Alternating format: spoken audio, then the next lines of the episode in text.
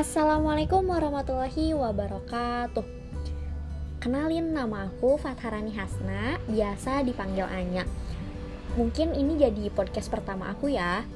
Nah, di sini aku pengen sedikit beropini tentang beberapa hal-hal yang mungkin dirasakan oleh teman-teman.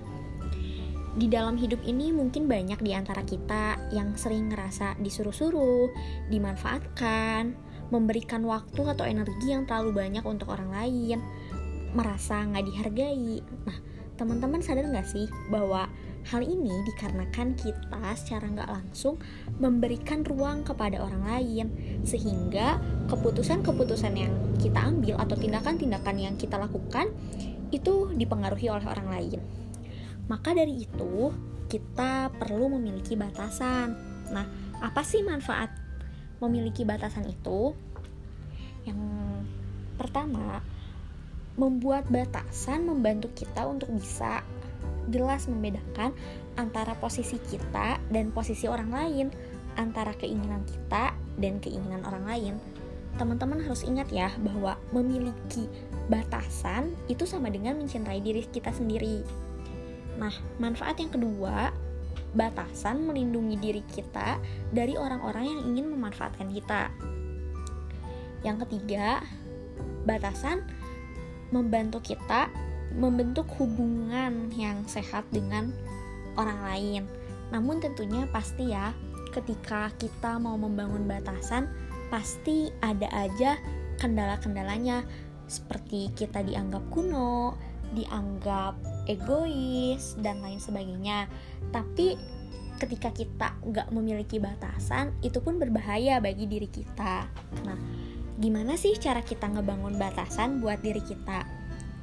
Yang pertama kita harus menganalisis kira-kira apa hal kira-kira hal apa saja yang perlu kita batasi. Nah, kemudian setelah dianalisis, kita harus kategorikan batasan-batasan tersebut takarannya seperti apa dan lain sebagainya. Yang ketiga, yang ketiga analisis keadaannya. Kira-kira ketika kita uh, menerapkan suatu batasan terhadap diri kita, bagaimana uh, keadaan atau respon dari lingkungan tersebut. Kemudian komunikasikan kepada orang-orang dan komunikasikannya pun harus dengan cara yang berbeda-beda ya tentunya. Ada sedikit orang yang mungkin akan menerima-menerima aja ada juga yang enggak gitu.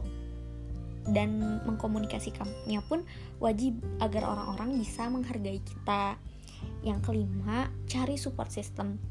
Cari orang-orang yang bakal ngedukung kita cari orang-orang yang bakal mendukung kita tentunya ketika kita mau membangun batasan. Mungkin podcast pertama ini cukup segini dulu ya. Singkat kali ya singkat sekali. Kita bertemu di podcast-podcast berikutnya. Doakan aku semoga istiqomah dalam membuat podcast ini. Terima kasih bagi kawan-kawan yang telah mendengarkan. Uh, tetap di rumah aja.